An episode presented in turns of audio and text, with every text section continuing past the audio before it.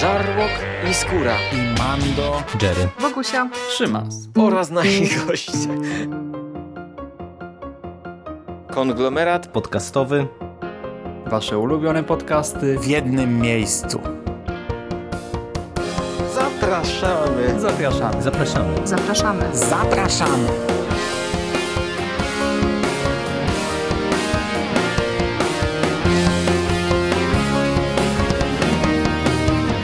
Witam w konglomeracie podcastowym, czyli na platformie, która zbiera wszystkie wasze ulubione podcasty w jednym miejscu.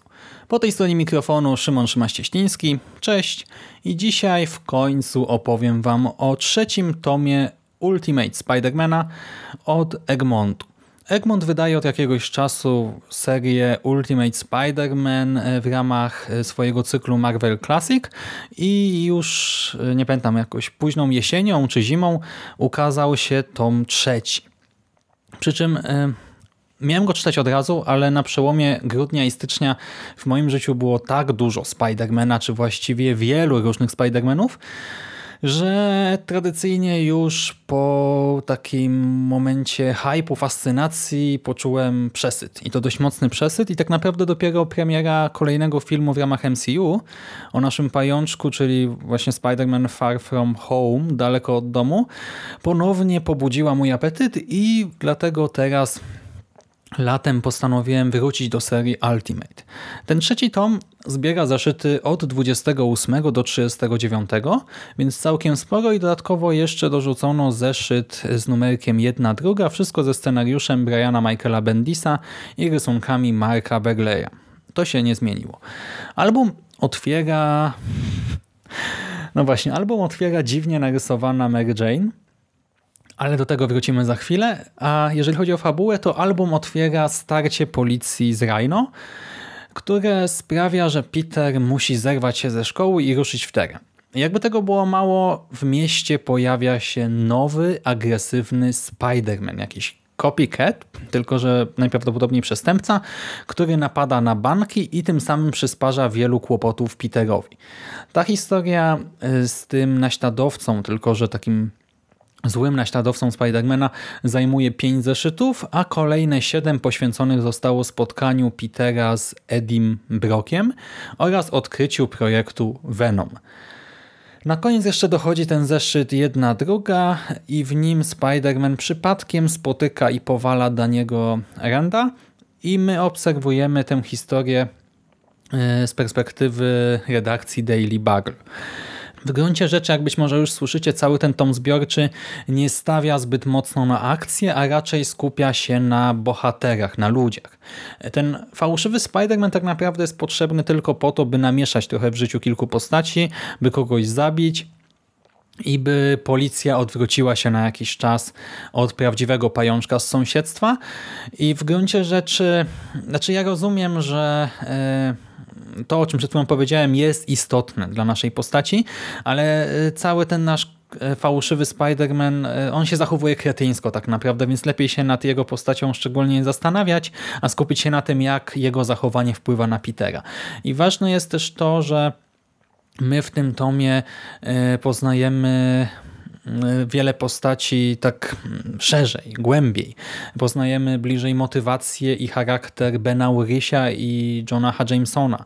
Dowiemy się, co łączyło Parkerów z Brokami, jak zginęli rodzice Petera i Ediego. Przyjrzymy się bliżej relacji Petera z Mary Jane Watson oraz z Gwen Stacy. Przeżyjemy pewną osobistą tragedię razem z Gwen. Dostaniemy wgląd w emocje cioci May. I w gruncie rzeczy właśnie dzięki temu dzieje się tutaj dużo i po topornym pierwszym zeszycie, bo e, to wprowadzenie tutaj, szczerze mówiąc, jest takie sobie mocno. E, po tym topornym pierwszym zeszycie zaczynamy czuć flow i płynąć z nurtem, tak płynąć tą rzeką pajęczyn. Znaczy, dobra, może to jest zbyt abstrakcyjne, ale myślę, że rozumiecie o co mi chodzi. E, poważnie, Bendis czasem zbyt szybko wprowadza przetasowania w tych wszystkich relacjach, między bohaterami, ale jednak śledzi się te wątki z przyjemnością, bo poszczególne zachowania e, czy odczuwane przez postacie emocje mają swoje przyczyny i swoje skutki. Bohaterowie mają motywację, bohaterowie mają jakąś ideologię i także ci z pozoru mniej istotni e, zyskują głębię psychologiczną, no a to jest duży plus, że nie obserwujemy tylko no marionetek czy papierowych figurek, jakichś wydmuszek, a bohaterów mm, z krwi i kości, albo przynajmniej no właśnie z konkretnymi emocjami, z konkretnymi poglądami. E, poza tym, tak jak wspomniałem, ten wątek Ediego Broka jest mocno związany e, z przeszłością rodziny Parkerów i dzięki temu możemy się przyjrzeć bliżej temu, co Peter czuje w tym kontekście, e, poznać kilka faktów z przeszłości, e, też przyjrzeć się bliżej cioci May. Ogólnie bardzo sympatyczna sprawa. Szkoda tylko, że projekt Venom chociaż e, ma ciekawą genezę, bo nie przeczytamy tutaj po prostu o symbioncie z kosmosu, tylko no Bendis wprowadził tutaj sporo świeżości w tej materii, no to mimo tego Cały ten wątek służy w dużej mierze pokazaniu tego, że z wielką mocą wiąże się wielka odpowiedzialność. Że wynalazki, które mają pomagać ludzkości w nieodpowiednich rękach mogą być bronią masowej zagłady, że niekontrolowane marzenia, pasje, obsesje mogą nas zniszczyć i tak dalej. Więc te siedem zeszytów czyta się w Trymiga, Historia jest atrakcyjna także dla osób, które jakoś tam kojarzą postać Venoma, no bo e, wprowadza trochę nowości. W tej materii nie jest odtwórcza względem starszych komiksów, ale ostatecznie nie zapadnie nam jakoś mocno w pamięć, bo jej wydźwięk jest taki mocno no, bezpieczny i standardowy.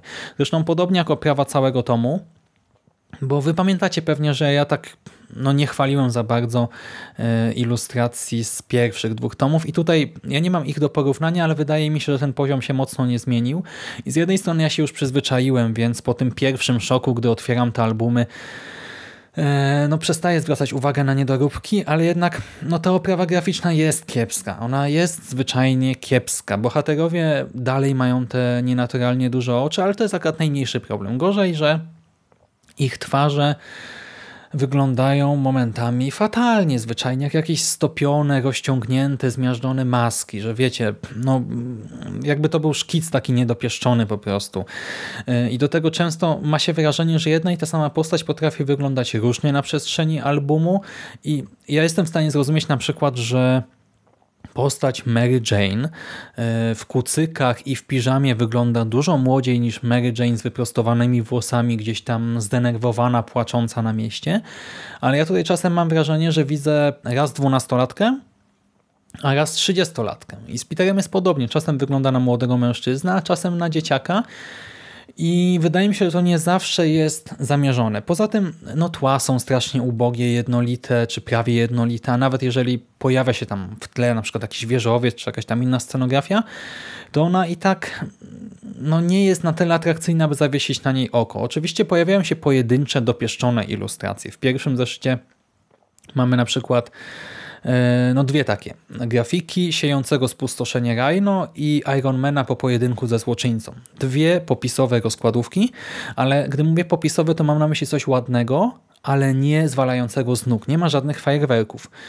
W drugiej połowie albumu obserwujemy więcej starć, a akurat ze scenami dynamicznymi Mark Bagley radzi sobie całkiem nieźle, więc i komiks ogląda się ciut przyjemniej, tak jak mówię, ogląda się e, go przyjemniej, ale E, tutaj też mam mieszane uczucia, bo Venom co do zasady wygląda w komiksach epicko. Bardzo podoba mi się design praktycznie każdego Venoma, jakiego widziałem na przestrzeni ostatnich lat, więc i tutaj sprawia on całkiem niezłe wrażenie, ale e, no, brakuje cały czas czegoś, co by choć nas chwilę zatrzymało nas dłużej przy konkretnym rysunku. Tak? Coś, co nie wypada po prostu w porządku, a zrobiłoby na nas wrażenie.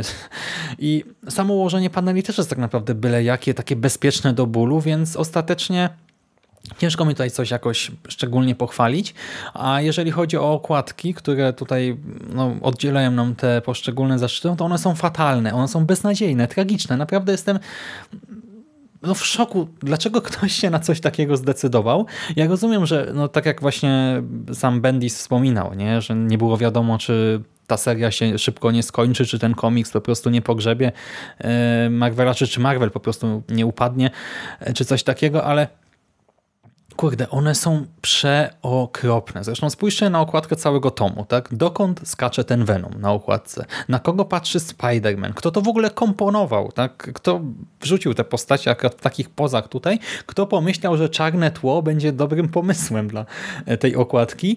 E, No, wygląda jakby komuś się, nie wiem, nie zapisało to, co tam miało być w tle, więc wrzucił po prostu e, czarnego blanka. Nie wiem, no i do tego jeszcze w środku mamy lepsze kwiatki, bo e, 32 zeszyt to jest po prostu komiksowy green skin. W- Mamy dwie postacie Spidermana na pierwszym planie, rysunek po prostu, a w tle rozpikselowane zdjęcie miasta. I to serio, jest po prostu strasznie rozmazane zdjęcie jakiegoś miasta, tak to wygląda. Wygląda obrzydliwie. Do tego na okładce i tego zeszytu i poprzedniego, czyli 31, widnieje napis Transparency Digital. No i zrobiłem króciutki research i Google mi zasugerowało, że jest to cyfrowy podpis artysty działającego pod pseudonimem. Spoko, tylko że to jest fioletowy napis z boku, czy w prawie centrum e, okładki, w zależności czy mówimy o 31 czy 32 numerze.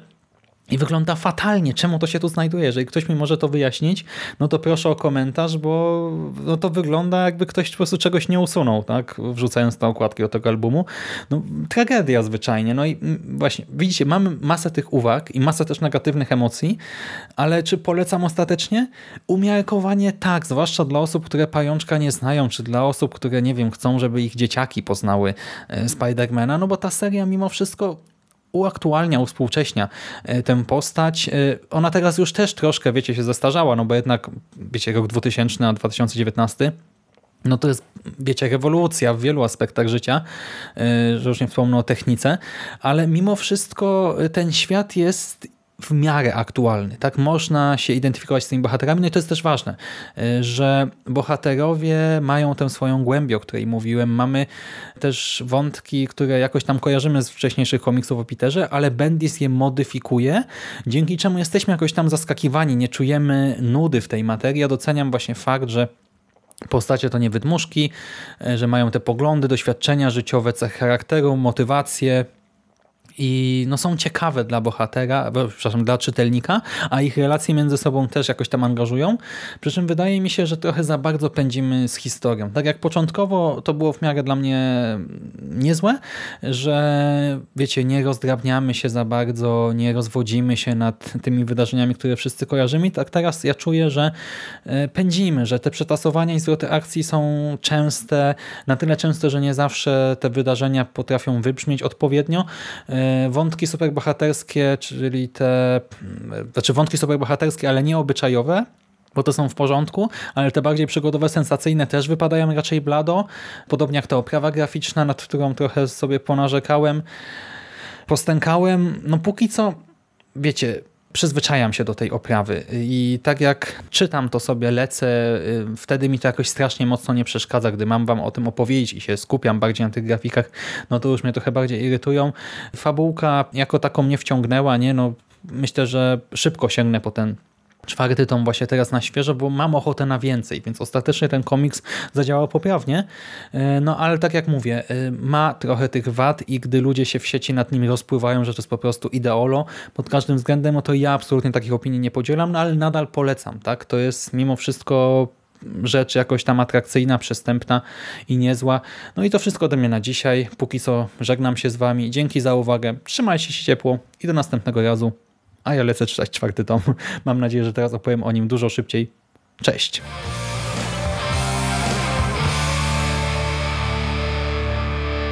You finished? That's it, man. Game over, man. It's game over. What the fuck are we gonna do now? What are we gonna do? It's over. Nothing is over! Nothing! You just don't turn it off!